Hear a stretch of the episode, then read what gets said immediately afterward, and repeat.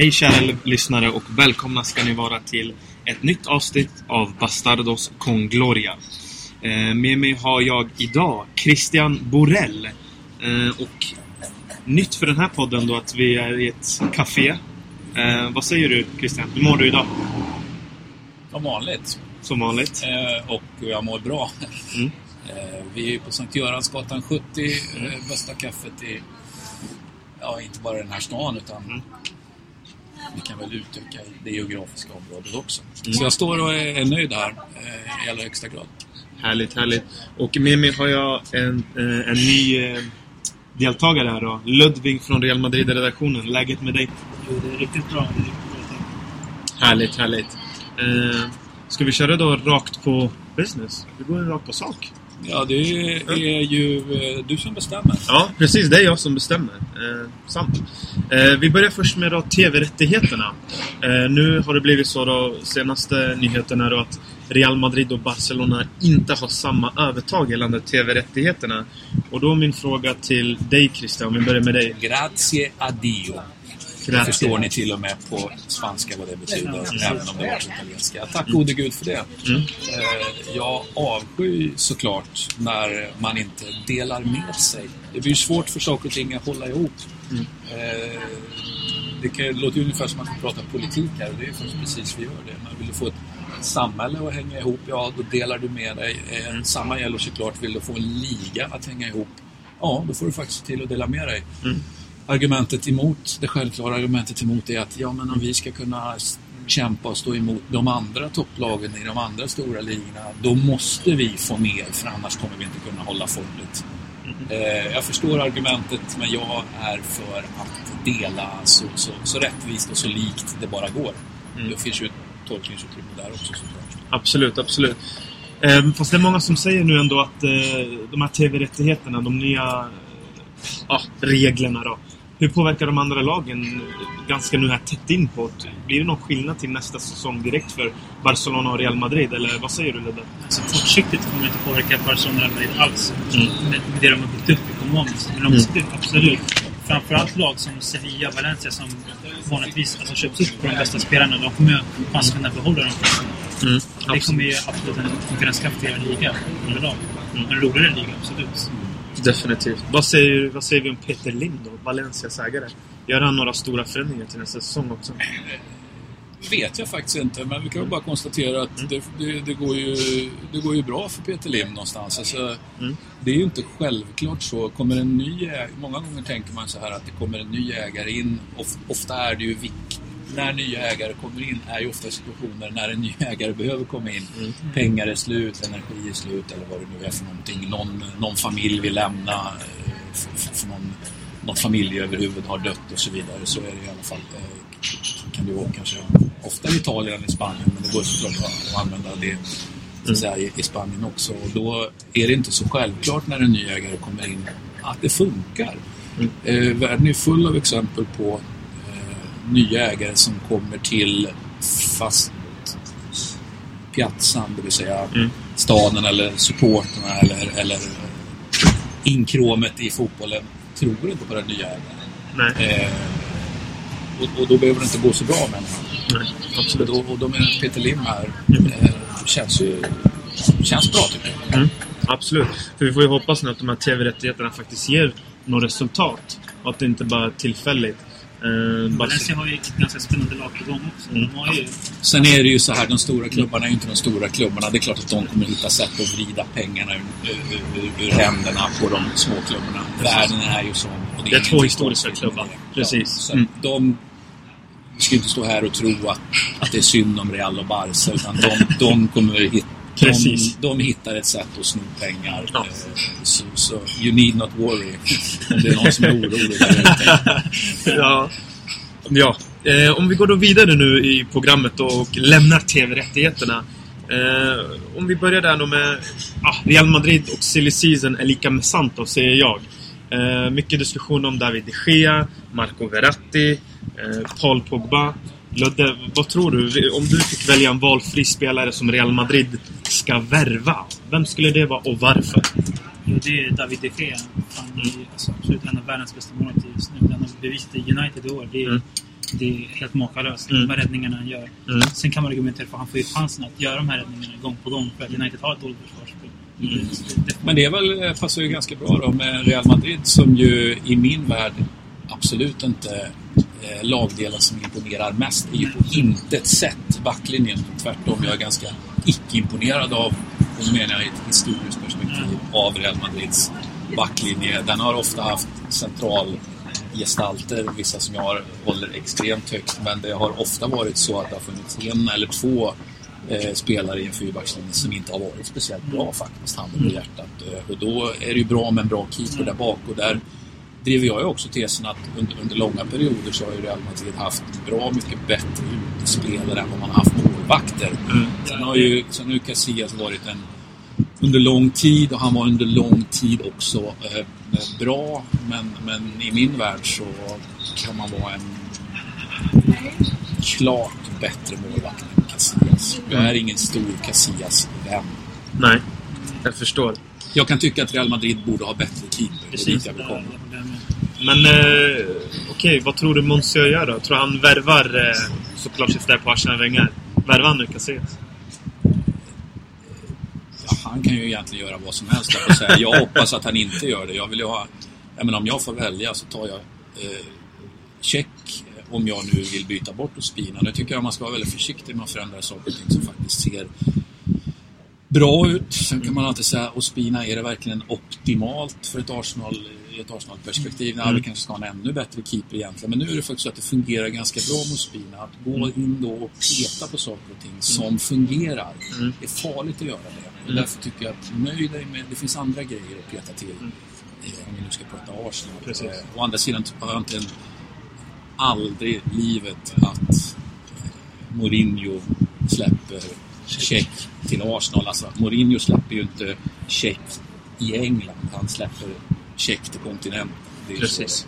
Mm, Det kan ju också bli check till Real Madrid. Det har också Mm. snackats om lite. Mm. Ja, han skulle ju absolut inte göra bort sig där. Han har ju fortfarande, det beror ju på vad man, vad man lägger an för perspektiv. va. Han, har ju, han, har ju, han är ju inte så gammal som man skulle kunna tro, så han har ju två, tre, fyra säsonger till som är, som är bra. Så att han, han kan, det betyder att han kan spela, han kan ha en skön sista, eller skön, han kan ha en bra, riktigt bra sista session Mm. på ett riktigt bra ställe. Absolut. Mm. Intressant. Det ska bli intressant att se vilka Real Madrid faktiskt värvar. Jag själv föredrar inte någon speciell för tillfället, men David de Gea, det instämmer jag faktiskt. Det är en målvakt som behövs i Real Madrid, tycker jag. Sen kommer ju säkert behövas värvas in någon mittback som backup. För Mm. Pep eller Varane lär ju lämna. För den där, den där situationen är inte riktigt optimal, tror jag. Jag hoppas inte Varan i alla fall lämnar till För jag Chelsea. tror Varane har tröttnat lite på att hamna i skymundan i de här stora matcherna. Man har inte fått spela mest eh, bland, bland de spelarna som har spelat mest i år. Det är alltid den här diskussionen om Isco får inte spela så mycket, Varane får inte spela så mycket. Men Det är tittar man på en sett antal minuter diskussion så... som alltid måste vara så eftersom Real Madrid är en, en klubb av den digniteten, med en trupp av den digniteten. Det kommer ju alltid vara spelare som En.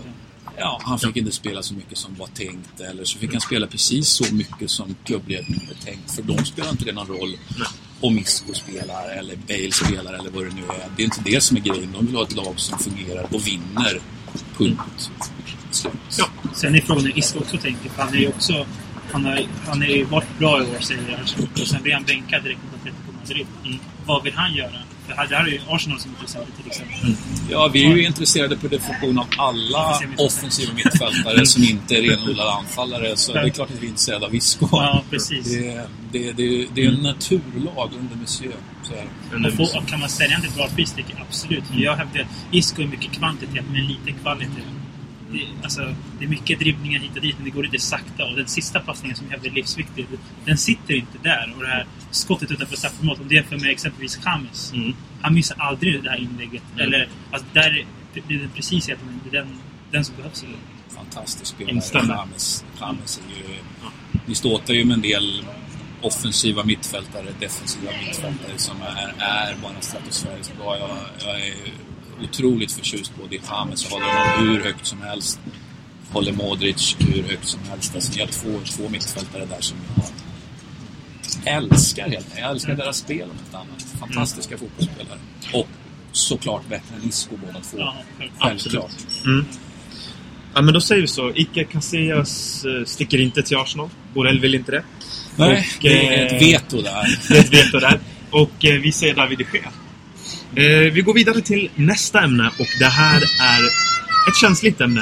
Eh, Det ska bli intressant att se vad ni säger. ju, barnen gråter ju när du tar upp ämnet, så det är klart att det Precis. är känsligt. Ja. Eh, Raúl González Blanco.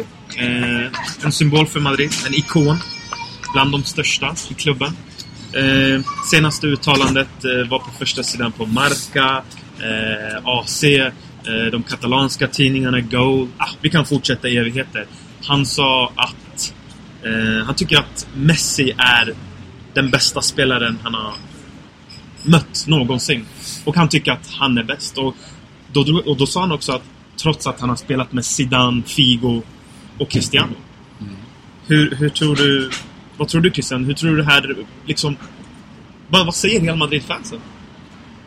Ja, som, som en Real Madrid-supporter är det klart att man inte är nöjd med att höra det. Och, och att man kan ha synpunkter på att han som den ikon som han är i Real Madrid inte borde säga det han ju har sagt då. Men eh, jag tycker han, han, eh, han får också säga, han får säga precis vad han vill. Raúl har väl alltid varit en, en eh, Ja, men han är ju en, han är en good guy. Liksom. Det är så här, han, han, det här säger inte Raúl på grund av någon polemik eller någon, något politiskt utspel. Utan Raúl är en bra kille, säger vad han tycker. Och eh, för mig... Men är det nog I, inte I lite hear känsligt? Det är klart att det är känsligt. Eh, Populistisk åsikt kan vi kan, Ja, kan populistiskt tycker jag inte riktigt Nej. alls, utan tvärtom. Det, jag, jag, jag, jag uppfattar att han verkligen tycker det här och då, då, då säger han vad han tycker. Jag tycker det är inte svårare än så. Precis. sen är det väl inte La optimalt ur ett, ur ett eh, helvitt perspektiv. Men så kan jag tycka om att det är lite skönt med den här ärligheten. För det här all- alltid bara Mm. är från en Eh, klubb och alltså, länkat med klubben. måste du säga att okej, Cristiano Ronaldo är bäst. Jag tycker det är lite uppfräschande det här. Det är som Angel Di Maria när han spelade i Real Madrid. På en presskonferens i Madrid säger han ah, Cristiano är den bästa. Och sen nästa veckan på landslagsuppdrag i Argentina, Messi är den bästa. Säg bara vad du tycker. Alltså, jag, tycker jag tycker det är lite skönt. Ja, men jag, jag tycker också att det är skönt. Jag tycker också det här så som det har blivit. Nu är inte jag så mycket för de här när spelarna själva ska rösta fram bästa spelaren i, i världen och så vidare. Ja. Så blir det politik i den där grejen. Att det vill till att du röstar på din stjärna i ditt landslag eller på din stjärna i ditt klubblag. Utan, utan eh, då är det här, eh, det vill säga, jag, vi tror ju inte på att de tycker det. Nej, men de precis. röstar så för att det är pisk, de tycker att en piska viner. Ja. Och då tycker jag väl någonstans att det är... Jag tror väl på att ärlighet vara... Sen behöver man ju inte vara dumdristig för det, men nu är ju Raoul så pass stor att han säger vad han vill. Ja, precis. Eh, och då är han ärlig när han säger det här och då har jag inga som helst problem. Please. Nej, absolut. Nej, men så kan det också vara att eh, han vill helt enkelt vara ärlig. Eh, sen är det ju så att att han ändå sa det, ja, det skapar ju reaktioner och man reagerar på det. Det ska skapa reaktioner. Det är ju någonting fel om det inte skapar reaktioner. Precis. Han fattar ju att det ska skapa reaktioner, han säger ändå. Men jag menar, det där Real- Madrid är ju en så pass stor klubb så att de, de, de pallar det där. Va? Så är det ju. Sen finns det ju alltid supportrar som är dumma i huvudet överallt. Och det finns det i Real Madrid också. Det finns det i Precis. Barcelona, det finns det i Ja. Arsenal. Det finns det precis överallt. Eh, Och det är inte självklart så att de, de, de jublar. Va? Eh, Och framförallt inte de kanske de senast anlända supporterna. Det är egentligen dit jag vill komma. Jag tror ju kanske att en äldre supporter, man kan få för sig väldigt mycket att en äldre supporter som har varit det länge och hela sitt liv inte kan acceptera. Jag tror att de har lättare att acceptera det här för att de vet vem Raoul är, de vet vad han har gjort.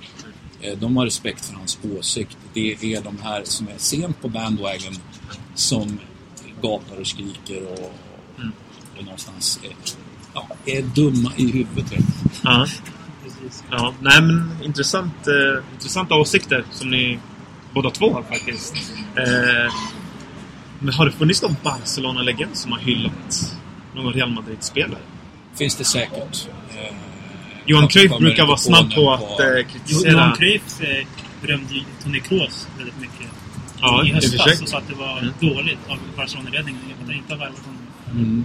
Men hur mycket bryr sig Cristiano Ronaldo om att bli, bli ah, i princip hånad av flera legender? Cruyff, Stoichkov, Santillana, Real Madrid-legend som Kalan. att svara på det, men han gör ju sin, han gör ju sin grej liksom. Och han, han känns ju, han är, han är ju, han är ju en fotbollsmaskin uppfattar man ju honom i mångt och mycket som. Och, och, och att han inte är, är så mycket kött och blod som en del andra spelare. Och det, det är ju, vi, vi, vi står ju och gör det här programmet i, i Sverige och det betyder att vi gör det i, i Zlatan-land. Zlatan är ju en av dem som har sagt väldigt tydligt att, jag menar, att det finns någonting plastigt över Cristiano Ronaldo och någonting som inte är lika plastigt eh, över Messi. Då, för det var de två han jämförde. Och det tror jag att alla, eh, alltså jag skriver under på det. Sen, sen eh, plast kan vara bra också, om man säger så. Mm. Men det är klart att det finns någonting. Jag kan inte älska Cristiano Ronaldo och jag älskar inte Messi heller. Nej. Jag kan känna en större sympati för Messi än vad jag gör för Cristiano Ronaldo. Jag, Det- jag gillar inte Cristiano Ronaldo som hans... Det är någonting med hans attityd och Mm. uppsyn. Det är ju ingenting annat. Det är ju hans personlighet. Den är sån. Tough shit liksom. Mm. Hate it or love it, säger jag. Ja. Det är ju en del av hans karaktär. Hade han inte varit så? Frågan är, hade han varit lika bra som han är? Om inte han hade haft den karaktären att alltid vilja förbättra sig och vara liksom... Ja, obsessed with goals. Som Tony Kroos sa så fint. Ja, det kanske det är då. Obsessed with goals. Eh, Mm. Det är bra när man är obsessed, men jag själv har ju alltid fallit för spelarna som inte är obsessed with goals, utan som får ett lag att fungera. Och där kan Mm. jag tycka att Cristiano Ronaldo i ett historiskt perspektiv inte alltid har sett till att laget har fungerat. Eh, Och då menar jag både Real och United. Att han har varit kanske för fokuserad på sin egen prestation Mm. i ett lagperspektiv. Mm. Därmed inte sagt att han har varit dålig. Nej. Han kunde varit bättre. Ja, vad sa du Ludde? Jo, alltså? Cristiano Ronaldo bland de äldre supportrarna på Bernabéu, där är han inte så tyckt Cristiano Ronaldo. Som Nej. jag upplevde när jag var i Madrid. Mm. Det är, många alltså, tycker att hans, hans attityd ska identifieras med klubben Real Madrid. Ja, nej, det är intressant. Eh, vi får sätta stopp där eh, för den här delen och efter pausen när vi kommer tillbaka så ska vi surra om Juventus Real Madrid. Wow! Mm.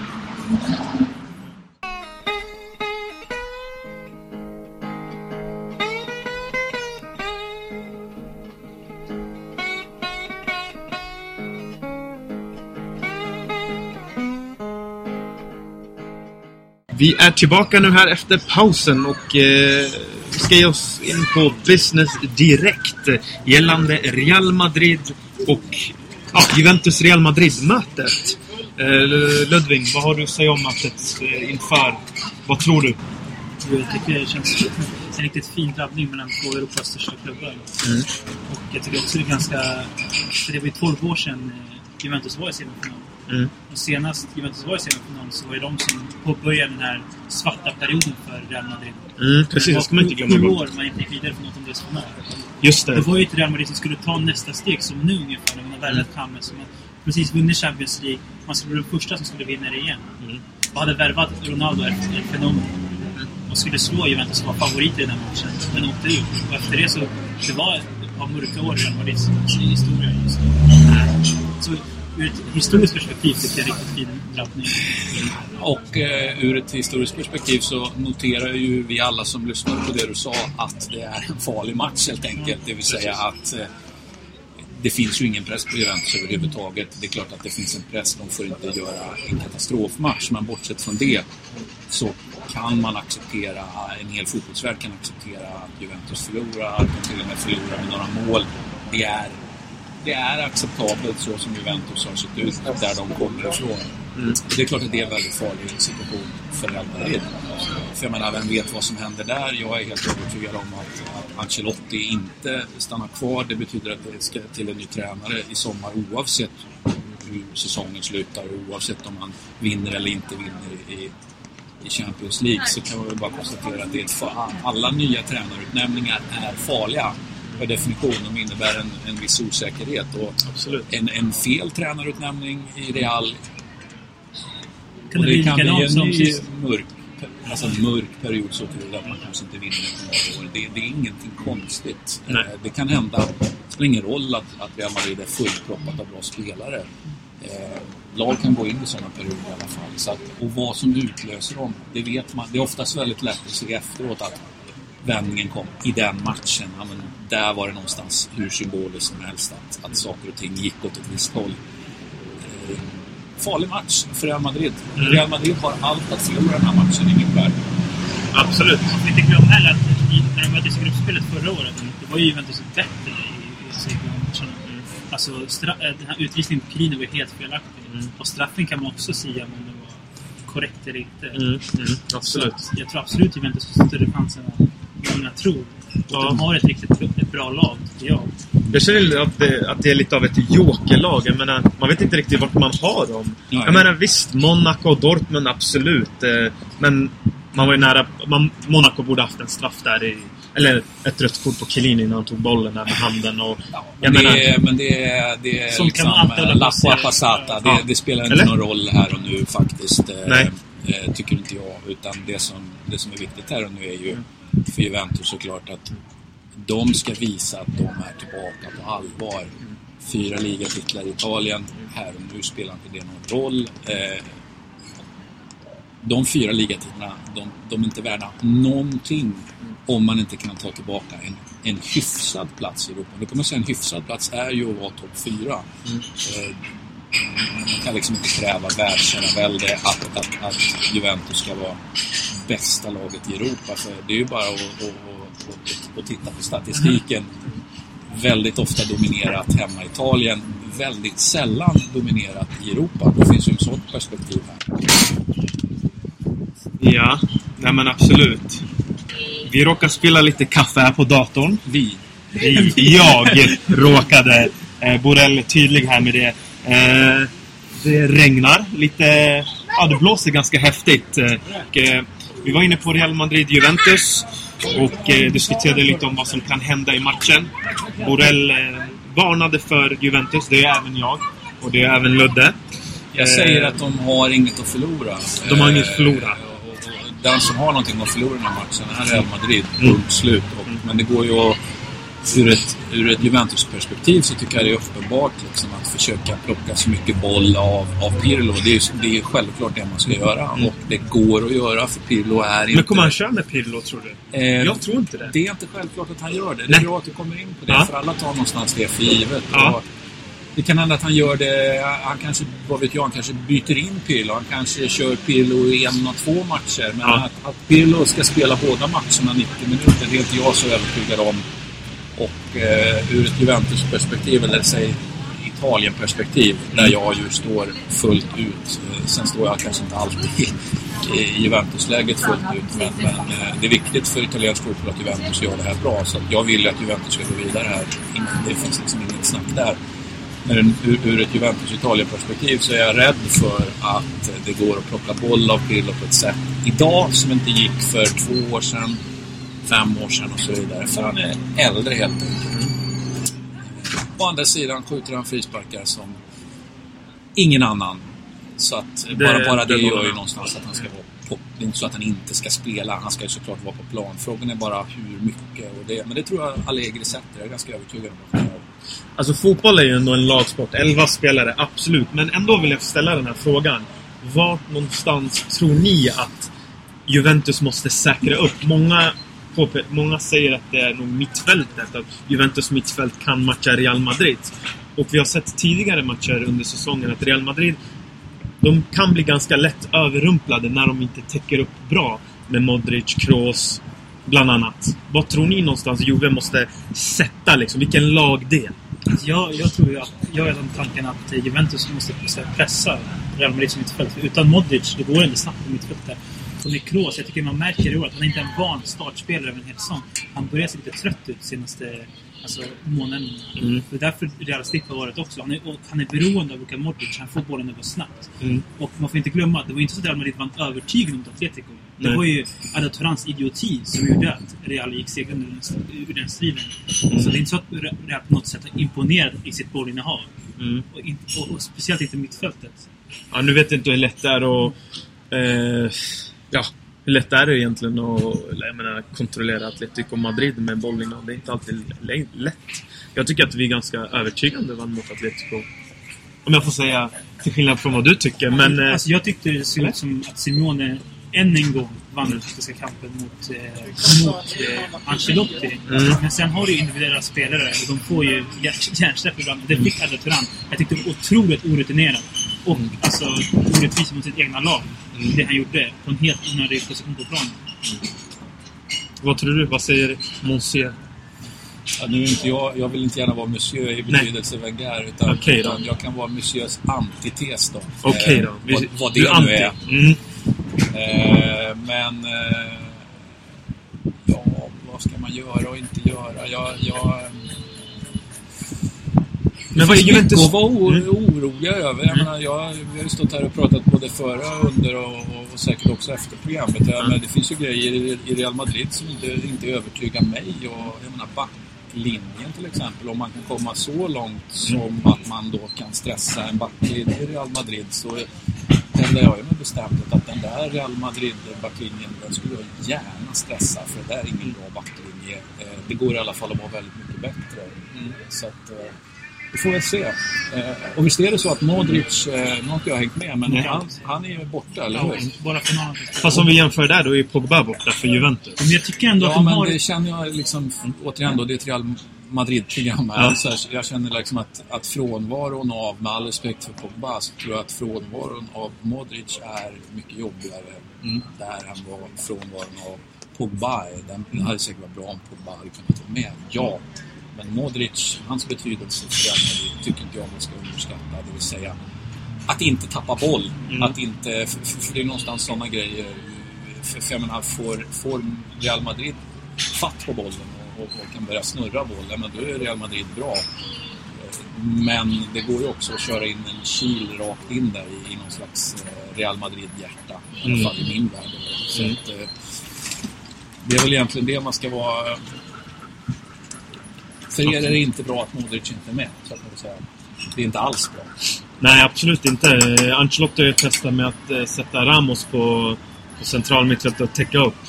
Kan det funka mot Juventus, tror du? Vad tror du, Ludvig? Jag tror absolut inte det. Alltså, enda anledningen för att det funkade mot Atletico Madrid, det var ju för att Atletico Madrid inte pressar den defensiva mittfältaren i, i Real Madrid i, här, i, här, den här matchen. Mm. Och Ramos, han fick ju lite press ibland, men det såg inte stabilt ut. Han var ganska... där, så- så- ja.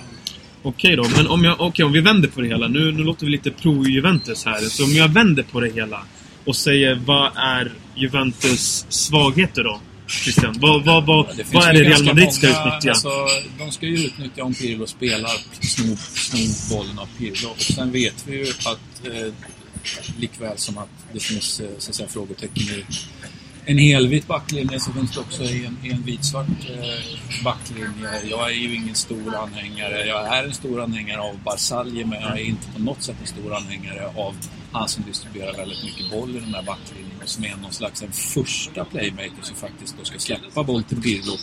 Men som väldigt ofta chansar med de här egentligen väldigt spanska övningarna med försök till väldigt vertikal, hård boll långt framåt i banan vinna mycket mark. Det vill säga Bonucci. Eh, och Bonucci är ju Bonucci, det vill säga han, han, han är oregerlig och inte min typ av mittback och får distribuera alldeles för mycket boll i min värld. Eh, att han kommer att slå bollar rakt i gapet minst en gång på Real Madrid. Det hyser jag inget tvivel om. Och gör Real Madrid mål då, när det väl händer, eh, då kan det rinna iväg såklart. Absolut, absolut. Eh, ja, men Real Madrids svagheter har vi gått igenom lite då. Försvaret säger du, Borrell. Men har det inte varit också lite på grund av att mittfältet inte gör sitt jobb? Att de inte Det täcker en backlinje? argumentera för. Och så, och så slutar de med att eh, vad beror det på att inte... Att inte då, ja, men det kanske beror på att keepern inte i- i- ger sig... Alltså, vem ska sprida säkerhet i, i ett lag? Det finns många olika svar på det där. Va? Men, eh, ni får se till att hålla i bollen. Alltså det, jag tror det är viktigt. Eh, Alltså Real Madrid i min värld är inget fantastiskt lag utan boll. Mm. Så håll bollen. Mm. Det, Instämmer. det är mitt råd. Liksom. sen beror det på mycket på vilken sida Ramos... Alltså, Ja, han vaknar, för vakna han är på alla möjliga sidor. Alltså, han är ju lika oregerlig som, som Bonucci. Jag menar, jag, jag, hans fighting spirit, jag menar, den kan vi inte säga någonting om. Men Mm. Skulle jag vilja ha Ramos i, i något av de lagen som jag verkligen höll på och skulle gå vidare? Ja, alltså, det beror ju på vad man har, kan man ju också säga. Va? Men att det finns mittbackar som är klart bättre Ja. än Ramos, Mm. det, det finns ju inget som är helst inget, tvivel om jag är inget fan av Ramos. Jag tycker det, man vet inte vad man får. Och det är Mm. många... Samma sak där, när passen sitter inte där, första Mm. passen. Han är oftast en alltså playmaker där bak. och Det, Men om man tar och tittar återigen, vi gör ett Real, eller ni gör ett Real Madrid-program, vi ska lägga an ett, ett historiskt perspektiv på Real Madrid. Så har det ofta varit så att Real Madrid under min tid då har ju haft i alla fall en mittback som har garanterat backlinjen även om det har funnits andra tveksamma delar i backlinjen. Mm. Och då är det ju, förstår ni alltså Jerro är ju det bästa exemplet. Det spelar ingen roll vem som spelar bredvid honom, för Jerro fixar det i alla fall. Va? Men Pepe fixar inte, Mm. Varann fixar inte, Sergio Ramos fixar inte. Eh, det finns liksom inte den typen av kung så att säga i försvaret i Real Madrid och det ser jag som en svaghet. Sen kan man säga att de här tre, ja, men de kanske, kanske är fler bättre mittbackar på en högre nivå men för mig så saknar de chefen i, Mm. i backlinjen och att inte ha en chef i backlinjen är för mig ett stort fel i alla lag. Mm. Man måste alltid ha en som är kung där bakom. Mm. Sen har ju ni haft den kanske finaste kungen av alla. Alltså Det går ju också att argumentera för att hitta ny Jerro. Det, det gör man inte heller i en handboll. Men att de här, är ju ingen av de här tre som är ny Jerro. Det behöver inte, behöver inte alls diskutera. Nej. Ja, jag, jag, jag vet inte. Jag, jag, eh, jag kan säga så här generellt. Hur många backar idag i världen? Alltså inte nu för att gå ifrån för mycket från ämnet nu då. Men hur många backar i världen har den här Maldini, Puyol karaktären? Jag tycker många backar idag, de, inte, de har inte den här coolen. De, har, de är för ivriga och, och gör Dumma misstag. Fotbollen är ju annorlunda nu. Eh, människorna är annorlunda. Unga spelare som kommer upp är annorlunda. Vill göra andra saker på en fotbollsplan än vad de ville då. Mm. Eh, eller så blir de tvingade till någonting annat där och då som de inte blir tvingade eh, till nu. För att nu är fotbollen mer offensiv eller vad det nu är. Men det, det är klart att det är så att Är Ramos Det är liksom den enda som är... Jag tycker inte han är den enda som liksom... Eh, alltså, ja, vaknar på fel sida och rätt sida. Det tycker jag många världen är backar. full av bedrövliga backar. Mm. Absolut. Men om Mm. vi säger såhär, Peppe och Varane är ju bättre. Alltså, jag, ser, jag håller dem högre än Mm. Ramos. Peppe har också sina share of... Alltså jag tycker att Peppe, sen. Ancelotti kom, har blivit en mycket harmoniskare alltså, mi- mittback. Alltså, Mm. Det är otroligt luft. Det är ju så att väldigt många människor blir ju väldigt harmoniska med Ancelotti. Ja, det är precis. det som är Ancelottis... eh, Han gjuter ju olja på vilken våg som helst i princip. Mm. Eh, Det betyder inte att han stannar hur många år som helst i Real Madrid. Men Mm. han, är, han är ju fantastisk på att gjuta olja på vågor. Bra, då kommer vi in på det jag skulle fråga härnäst då. Eh, den taktiska kampen mellan Allegri och Ancelotti. Vad kan de om varandra? Har de någon historia ihop, Christian? Vad, vad tror du? Ja, de är alltså- italienare, de Ja. är från... eh, De är från landet, båda Mm. två kan man väl argumentera för. De är Mm. inte från en stor stad i alla fall. Nej. Den ena är ju väldigt, har ju en väldigt lång tränargärning. Den andra har en, en kortare trä, tränargärning som börjar bli lite lång nu. Mm. Eh, så i, i den mån kan man säga att Ancelotti är på, han är på toppen nu. Mm. Ganska nära toppen i alla fall. Allegri är fortfarande på väg uppåt. Det går, går att argumentera för. Så Mm. att de är ju, det är ju... Ja, det finns ju åldersskillnader och sånt här. Så att, ehm, Mm. den som har mest att bevisa eh, och mest att vinna då är ju Allegri såklart. Det är klart att han är enormt inspirerad i den här Mm. eh, situationen som är. Vad tror du, Ludde? Vem har, vem har fördelen? Eller vem vinner den taktiska Alltså kampen? fördelen har väl alltid Eller? den som alltså, slår underläge inte har press. Mm. Men samtidigt, Ancelotti är ju van med det här. Mm. Han är alltså i flera års gärning. Mm. Han är ju van. Mm. Men jag tycker ändå Juventus under eh, Allegri har tagit nästa steg. Det känns mer så taktiskt väloljat. Mm. Jag tyckte samtidigt, man slog inte ut Monaco på ett övertygande sätt, kanske Nej. spelmässigt. Men jag tycker ändå det såg väldigt stabilt ut. Mm. Och det såg det inte ut under Conte, hävdar jag. Det fanns någon diskussion här om att... Vem var det? Det var någon som sa det. Jag vet inte vart jag läste det någonstans. Men att Tevez borde vara en kandidat till Ballon d'Or. Hur bra har han varit i år egentligen? Det har varit hur bra som helst såklart. Mm. Och, och framförallt gjort, gjort målen, gjort poängen. Det han inte gjorde kanske i början i Juventus, det vill säga målen och framförallt i Europa så kom det ju inga mål. Nu kommer ju målen i Europa också. Va? Så Mm. det är en fantastisk mentalitet på TVs men samtidigt har ju TVs Även om han nu har vunnit, eh, det, det säger man så här, ja, men han har ju faktiskt vunnit Champions League med United och alltså, alltså, jo men alltså det är inte riktigt det det handlar om utan nu pratar vi om att han ska vara, det är du som säger Ballon d'Or, inte jag. Nej. Jag skulle kanske inte ge honom Ballon d'Or. Nej. Eh, Framförallt vill jag inte ha någonting Jag skulle inte vilja ge honom men- med Ballon d'Or att göra överhuvudtaget. Men för att han ska vara aktuell för den, ja men då måste han ju plocka på sig en, en, en Europatitel och vara avgörande i eh, Europa. Mm. Så att eh, det är klart att han är bra och att han ska gå mot de här... Mm. Vi får se om han får gå... Får han gå tillräckligt mycket mot det försvar som jag Mm. hävdar då inte är så våldsamt bra när det är satt under press. Då är det klart att han, att han är en livsfarlig motståndare. Va? Men det gäller att han kommer i de lägena också. En- Eh, Det vet vi inte. En spelare i backlinjen som jag kan tycka eh, i Real Madrid som är lite oslipad. Eh, jag kan förstå det på tanke på åldern, men det är Carvajal.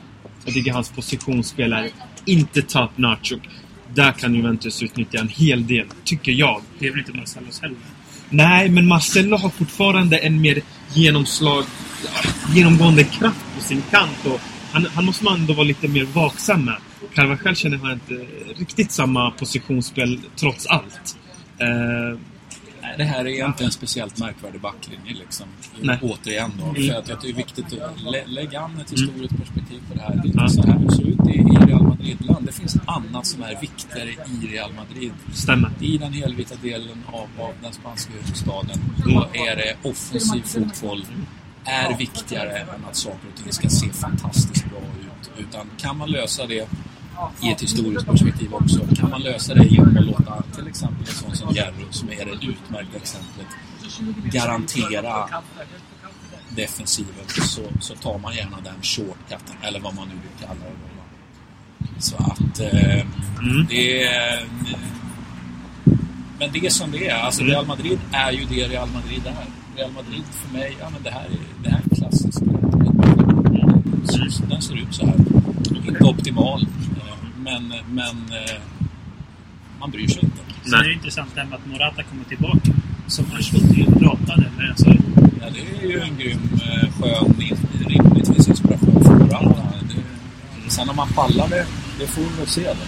Jag är kanske inte så övertygad om att han gör det. Men att det, för tar han inte det här som inspiration, då är han ju definitivt fel person för, för både Juventus och för Real Madrid och för alla andra de här toppklubbarna som han då liksom, någonstans ska vara aktuell för.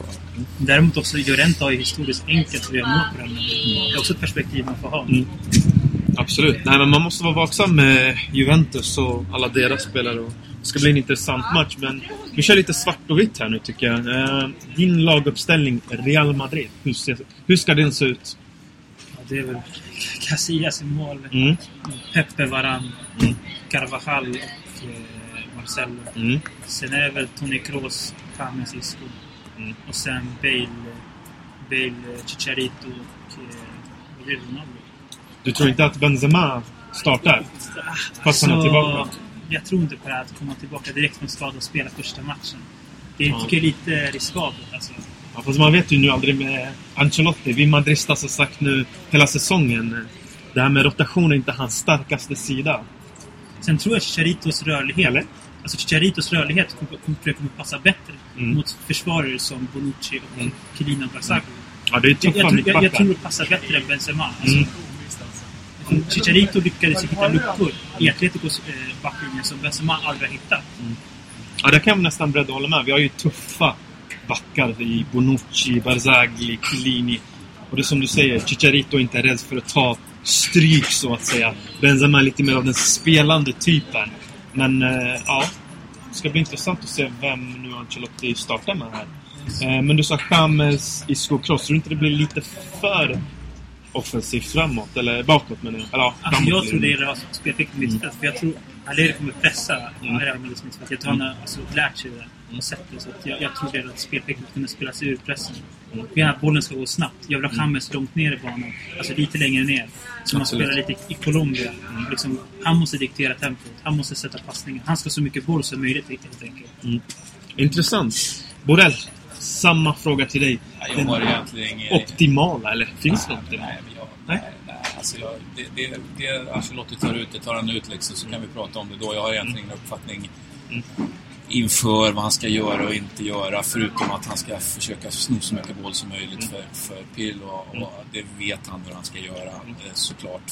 För det var ju han som satte Mm. Pirlo där, även om det inte var han som var först med idén så var det han som de facto genomförde det. Så att han, om någon, vet såklart hur man plockar boll av Pirlo. Eh, Mm. Och han har ju också sett de här matcherna på slutet i, i ligan till exempel näst sista matchen där som ju Mm. var en, en riktigt svag insats tycker jag. Pirlo har två fantastiska frisparkar men Mm. eh, många fler bollar eh, snudda av honom än vad det har varit ganska länge faktiskt. Sen Mm. kan man säga att han var också då tillbaka från skada och det fanns en förklaring. Bla, bla, bla, bla. Han kanske steppar upp nu och har en enorm eh, erfarenhet och så vidare. Men det går att ta boll av honom och det, det vet Ancelotti. Mm, mm, absolut. Men okej, om jag ställer frågan då. Hur ska Juventus laguppställningen? Har du någon fast elva som du tycker ska spela mot Carlos Real Madrid? Jag ska väl spela ändå så lite som möjligt. Liksom. Jag egentligen... Jag, jag, jag menar, säg att han börjar med att han börjar med Morata så ska han ändå eh, kanske byta in Llorente. Alltså, Mm. det, är viktigt att utnyttja och, och, och klart för sig att man inte behöver avsluta matchen med den elvan man, har, man startar med. Mm. Det, det kan jag tycka är onödigt. Det blir ju en intensiv match såklart. Ja. Och framförallt ur ett Juventus-perspektiv är mycket prat om, inte bara med Juventus utan med italiensk fotboll rent generellt, att Mm. när, när tempot skruvas upp så är inte det nödvändigtvis it- italienarnas liksom främsta gren. Nej. Eh, Man håller sakta men säkert på att, att, att, att jobba sig in i den matchen, men under, under x antal år eller x antal säsonger så, så hade man... Fotbollen tog en utveckling utanför Italien och eh, den fortsatte ha sin gång så att säga i Italien. Och det betalar italiensk fotboll ett europeiskt pris för. Eh, Och där är det ju inte så att man är tillbaka eh, än då. Så att, och då menar jag att det är viktigt att kunna använda många spelare för att det kommer att krävas mycket, mycket, mycket löpningar, mycket, mycket bolljakt, mycket och så vidare. Eh, Men det är ju lite grann, det, de är ju dukt, det här mittfältet då, Juventus-mittfältet, är ju duktiga på det. Så, att, så att de, de om några i Italien så att säga kan spela ett ganska intensivt spel om de, om de vill. Alltså. Får, får de bara de instruktionerna. Sen kan det mycket möjligt vara så att eh, ett segerrecept ur ett Juventus-perspektiv kan också vara att, att, att avvakta tillräckligt länge för, för, för att kontra. Jag, menar, jag säger inte att de ska gå in och tokvinna boll från minut ett, är inte det jag säger. Utan Jag menar, matchen ska spelas med intelligens och, och, och spelförståelse. Och det vet vi ju allihopa att intelligens, spelintelligens och spelförståelse, ja, då är Italien, eh, oavsett sina svårigheter, ändå bäst i världen på det. Mm, I alla absolut. fall i min bok. Mm. Klart bättre än, än Spanien då. Ja, Eftersom det är den här fotbollen i de här länderna som vi nu ställer precis. mot varandra. Precis, precis.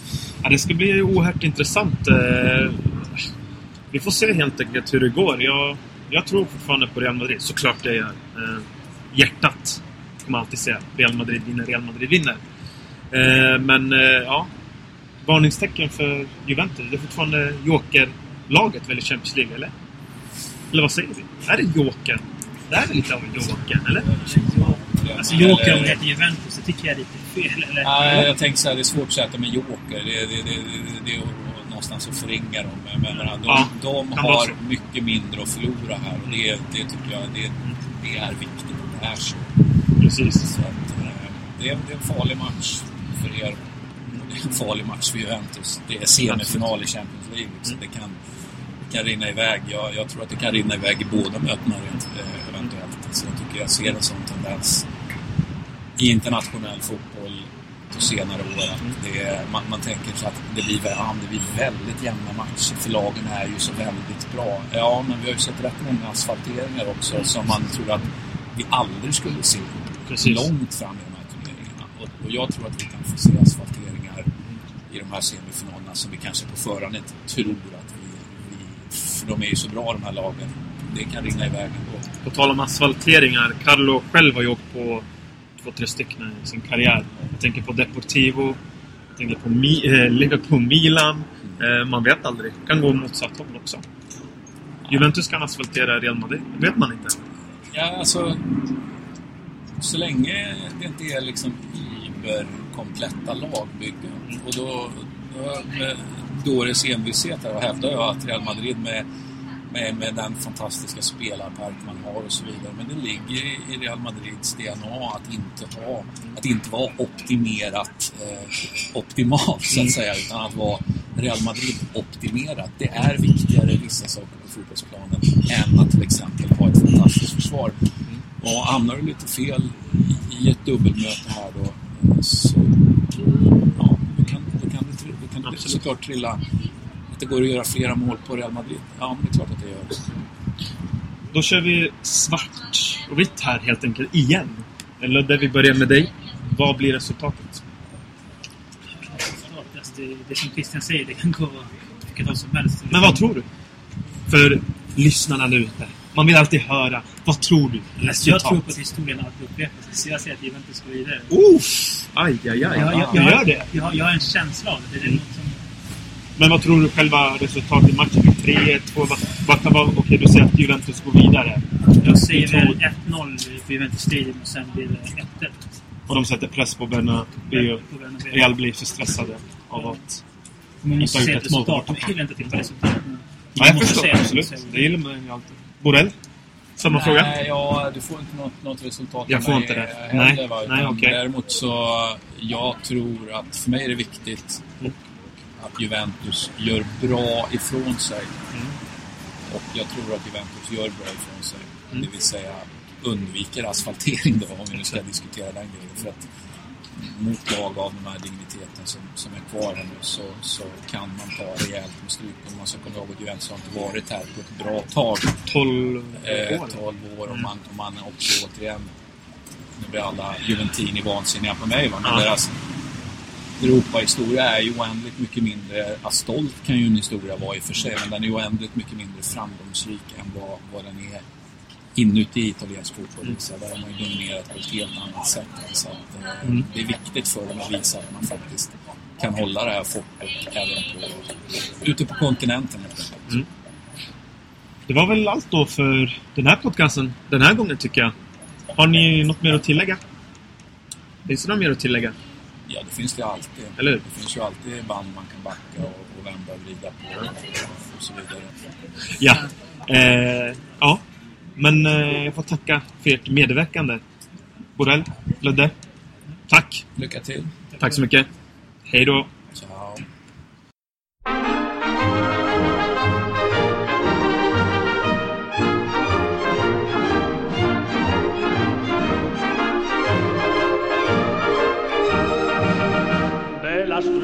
Deportivas que campean por España. Va el Madrid con su bandera, limpia y blanca que no empaña. Club castizo y generoso, todo nervio y corazón. Veteranos y noveles, veteranos y noveles miran siempre sus laureles con respeto y emoción. A la Madrid, a la Madrid, noble y bélico Adalid, caballero del honor. A la Madrid, a la Madrid, a triunfar en buena lid, defendiendo tu color. A la Madrid, a la Madrid, a la Madrid. A la Madrid, a la Madrid. Dali, caballero.